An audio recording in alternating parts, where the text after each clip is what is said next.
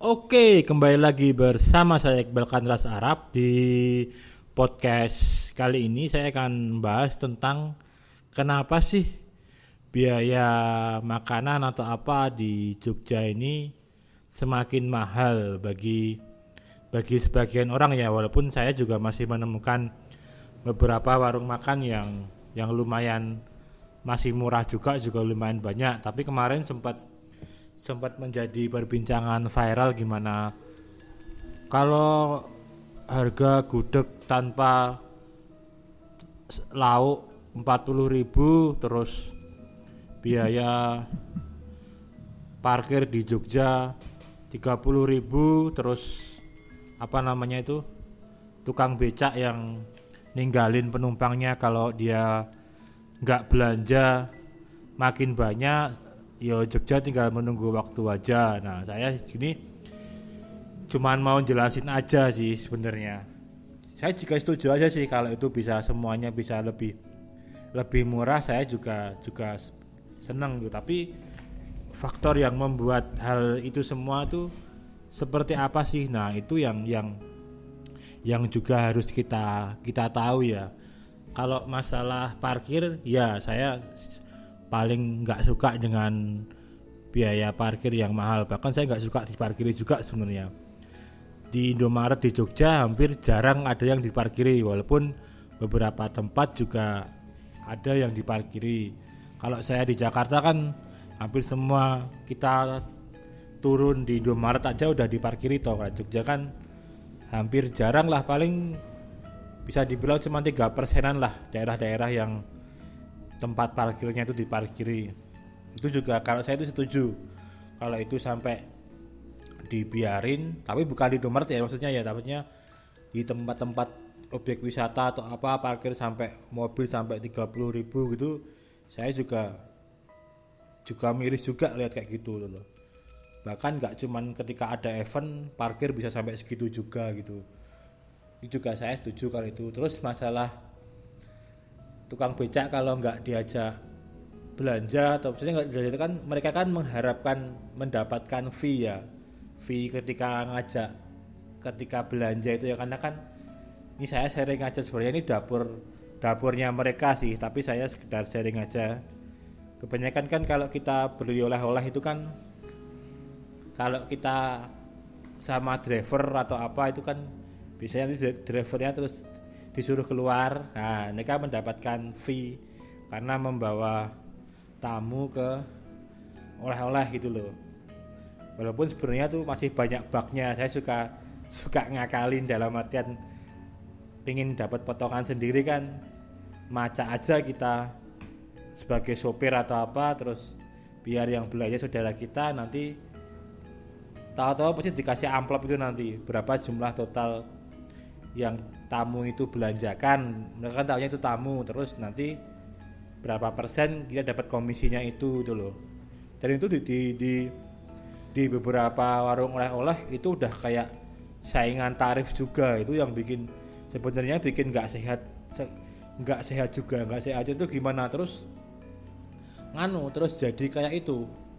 Tuman dalam artian kan semakin gede kamu ngasih tips ya semakin laku laku dan rame tempat kamu tuh oleh-oleh kamu. Tapi sebenarnya itu juga nggak jaminan juga kamu profitnya tinggi karena potongan kamu buat fee kan masuk ke dalam biaya kamu bikin harganya ya. Jadinya kan misal kamu margin harga keuntungan tuh misal 30% gitu ya. Nah, hampirnya kan hampir bisa dibilang 30% itu nanti kan 10% buat drivernya bisa 15% kita cuma dapat 15 persennya kayak gitu kan. Belum nanti kepotong kita harus bayar karyawan dan lain-lain. Nah nggak sehat itu semakin semakin wagu lama-lama. Ngasih tarif itu gede-gede kasih bonusnya ke itu. Nah. nggak sehatnya tuh kemungkinan ke depannya nanti biasanya malah entah oleh-olehnya itu umurnya nanti nggak lama kukut karena bangkrut nggak profit profit profitnya nggak banyak. Yang kedua jadi itu jadi bikin banyak bermunculan juga oknum-oknum sopir tukang beca atau apa yang yang mereka cuma mau nyari keuntungan aja. Jadi modelnya kan gini teman-teman. Mereka itu nanti mau calling dulu kosong nggak? Kosong. Nah kalau driver yang yang jahat saya nggak bilang mereka jahat ya itu mereka datengin semua warung makan itu eh warung makan oleh-oleh itu. Nah tapi dia pertama kali datang ke yang paling gede. Karena mereka udah udah tahu listnya itu. Yang paling gede ngasih itu yang ini gitu. Wah mereka datang ke situ. Nah udah dikasihkan ke situ penumpangnya. Nanti dikasihkan lagi ke warung oleh-oleh yang lain ini. Jadi mereka udah udah belanja semua di situ. Nah, di warung-warung yang lain ini kan nggak belanja. Dia nah ada beberapa warung makan itu warung oleh-oleh itu nggak belanja pun mereka tetap harus ngasihkan ngasih komisi juga. Walaupun cuman mungkin satu bungkus rokok atau hanya senilai satu bungkus rokok atau berapa itu kemungkinan pasti ngasih. Nah itu kan yang bikin nggak sehat kan kayak gitu. Mereka di, kayak dihapusi gitu loh modelnya itu. Ada kayak gitu. Jadi ngasih ke sana itu kosongan. Kosongan itu udah udah belanja semua mereka. Karena kenapa saya tahu kayak gini? Dulu saya bos saya yang dulu waktu saya kerja sama orang dia juga punya usaha oleh-oleh juga gitu loh. Dan itu dia kebetulan lumrah juga nggak lama oleh-olehnya itu. Paling cuman nggak sampai dua tahun itu. Karena kasus kayak gitu kasus kayak gitu. Padahal aslinya enaknya itu kan sebenarnya ada sebagian emang yang warung oleh-oleh itu mereka itu barang titipan semua ya. Jadi nggak nggak nggak yang mereka harus nyetor harus harus beli dulu gitu loh. Jadi semua yang ada di situ kan barang titipan terus dia cuma mau ngambil berapa persen dari harga itu kan profitnya margin keuntungannya. Nah lebih seperti itu. Nah itu itu yang bikin nggak bikin nggak sehat seperti itu. Tapi kalau nggak gitu ya sekarang orang latih saja karena udah udah kebiasa kayak gitu kalau nggak dikasih tips ya nggak dilempar ke sana tamunya nah tapi agak unik itu kalau di Jogja itu di itu di mana namanya bakpia Kurniasari itu loh. Nah, bakpia Kurniasari itu dari dulu itu kan kebetulan dekat dekat rumah saya ya. Dekat rumah saya dulu TK saya juga di dekat dia, dekat bakpia Kurniasari itu. Pokoknya deket lah, saya tahu udah dari dulu, dari sebelum booming itu udah emang udah udah jualan gitu loh. Dari saya TK juga udah jualan sana itu. Nah, dulu kan bukan dulu, dulu kan apa? Sampai sekarang dia itu nggak pernah ngasih tips ke driver atau siapa pun lah, sopir atau tukang beca atau apa yang ngajak nyari di sana. Jadi dia benar-benar bisa dibilang bisa grow-nya naik terus bisa buka di mana-mana dan lain-lain sebenarnya karena itu juga nggak ngasih tips jadi dia kan margin keuntungannya kan bisa gede gitu loh. Nah, tapi agak cerita uniknya itu ketika kalau kamu di Jogja terus suruh nganterin ke Bakpia Kuniasari atau apa, pasti kebanyakan entah tukang beca, kamu driver kamu nyewa driver itu atau apa pasti bilang tutup rame. Sebenarnya itu karena ya karena itu karena dia kalau dia nganterin teman-teman ke sana dia nggak dapet tips padahal aslinya tetap kita juga tetap bayar jasa drivernya atau apa tapi kan dia nggak dapat nggak dapat tips lebih kan nah makanya kemungkinan banyak orang yang ya saya bilang oknum lah nggak nggak semua ya nggak semua nggak mau nganterin gitu tapi ada sebagian juga mau. Nah itu tapi tapi banyak yang nggak mau nganterin kalau suruh ke Bakpia Kunyasari. Teman-teman pasti suruh ke sana sendiri dan lain-lain. Nah itu sebenarnya faktornya karena itu teman-teman Bakpia Kunyasari itu nggak ngasih nggak ngasih tips seperti itu. Ya itu buat buat bisnisnya juga member aja sih. Dia sudah mungkin karena emang dia udah besar ya jadinya tanpa ngasih tahu misal kayak Yujum. Orang juga udah udah tahu gudeg Yujum jadi nggak perlu nggak perlu Yujum ngasih tips dan lain-lain. Karena kan dia udah terkenal loh. Tapi kalau toko oleh-oleh yang lain yang banyak banget di Jogja ini kan mereka butuh butuh demand orang dateng kan. Nah otomatis mereka harus ngorbanin apa namanya nyisa apa nganggarin itu buat buat itu nganggarin profit keuntungannya buat kayak gitu ya. Hitung-hitung kayak marketingnya kayak gitu. Tapi karena persaingannya nggak nggak sehat jadi ya jadi seperti ini Jogja. Kalau nggak di sana ya ditinggal kamu kalau nggak belanja dan lain-lain. Nah terus masalah masalah makanan nih teman-teman yang yang yang perlu ditahu. Jadi yang nggak bisa dibohongi di Jogja itu properti teman-teman. Properti itu semakin tahun setiap tahun semakin naik dulu teman-teman.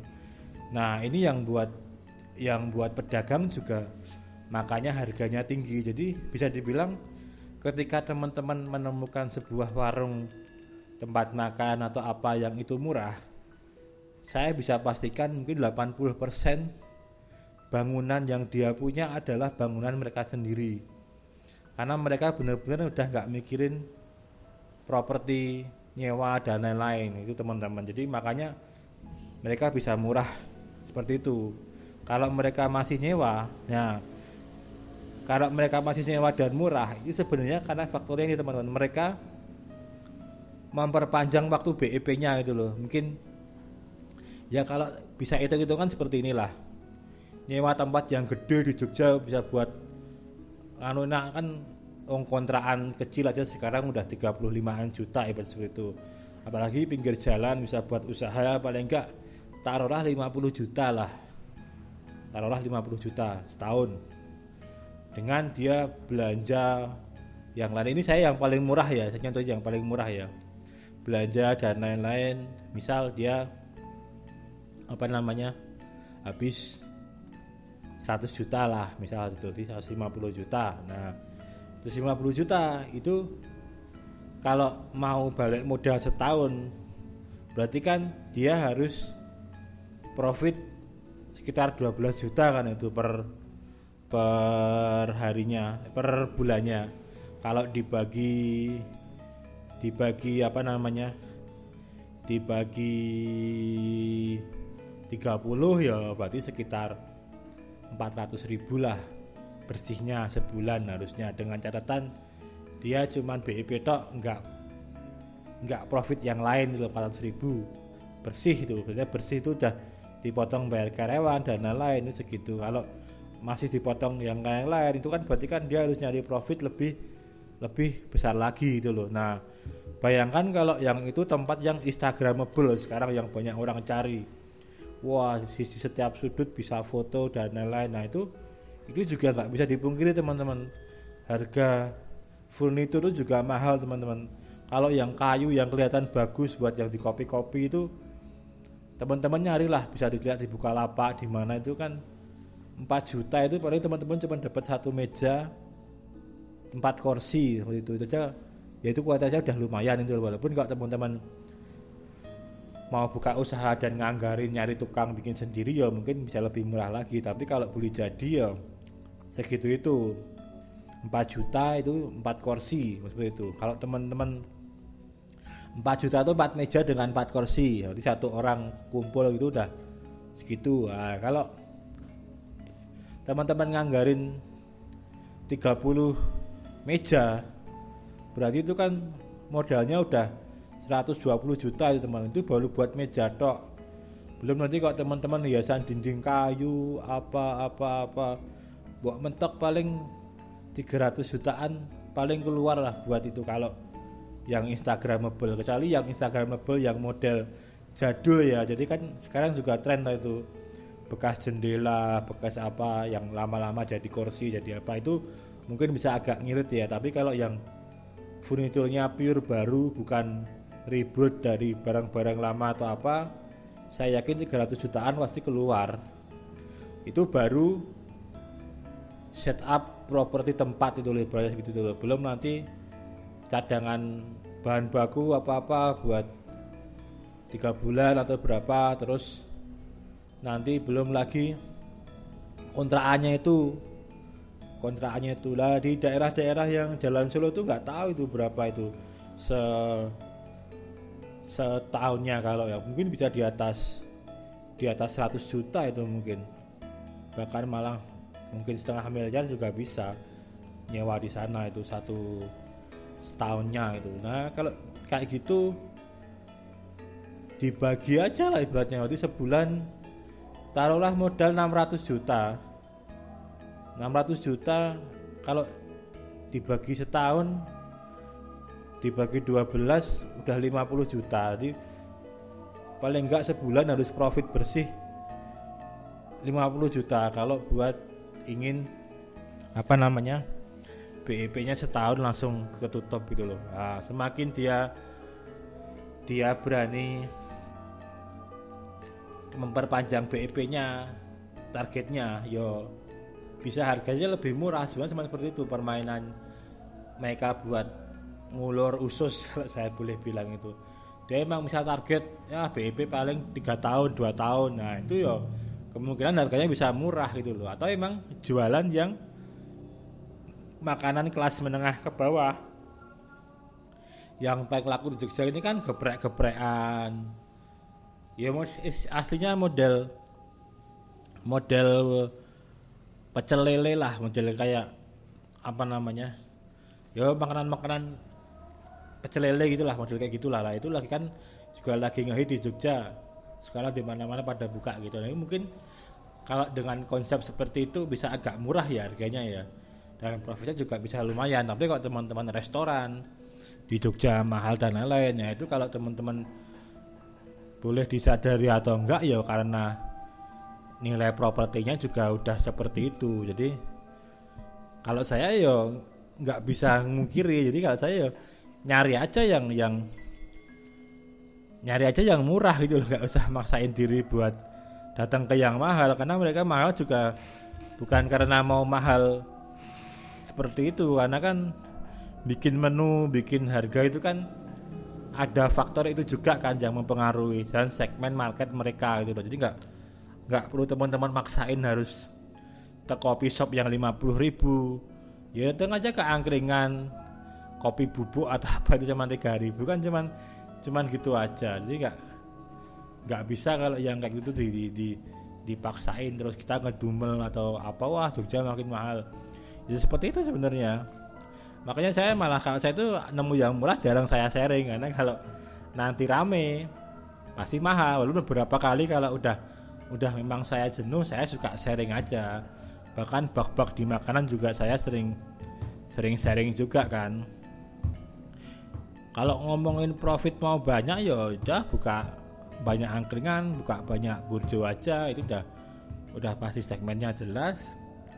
Profitnya udah jelas paling enggak minimal 40% dapat per item makanannya kan? Seperti itu. Tapi kalau teman-teman maksain yang instagramable mau foto di situ tapi nggak mau merasa itu mahal yo buat saya yo lol juga. Yo kalau teman-teman sudah merasa udah mau umuk di Instagram makan kayak gitu yo sebenarnya udah konsekuensi yang harus dibayar yo makanannya harganya mahal karena emang dari segi faktor yang lain juga juga mempengaruhi itu ya kayak itu properti, furnitur dan lain-lain ini juga juga ngarah di situ. Jadi mungkin yang akan saya bahas ya tapi itu sebenarnya di, di, di podcast kali ini. Saya sebenarnya juga punya punya warung angkringan ya saya. Ya alhamdulillah sih kalau saya emang kebetulan tempat dapat yang lumayan lah seperti itu. Tapi buat yang lain kan mungkin nggak bisa seperti saya yang dapat tempat yang murah dan lain-lain ya. Dong sebenarnya kalau saya boleh jujur juga saya cuma ngambil profit dari angkringan saya dan lain-lain itu cuma 500 perak sebenarnya satu satu itemnya apa? Dewe. Nah oke okay, teman-teman. Jadi kurang lebih begitu. Maaf ini kepotong ya. Tadi ada teman terus tak post jadi ya kayak gitu. Saya cuma ngambil ngambil profit per per makanan juga cuman cuma 500 perak ya. Karena saya sebenarnya juga nggak mau nanggung rugi juga saya. Karena kebanyakan makanan yang saya dapatkan titipan kan.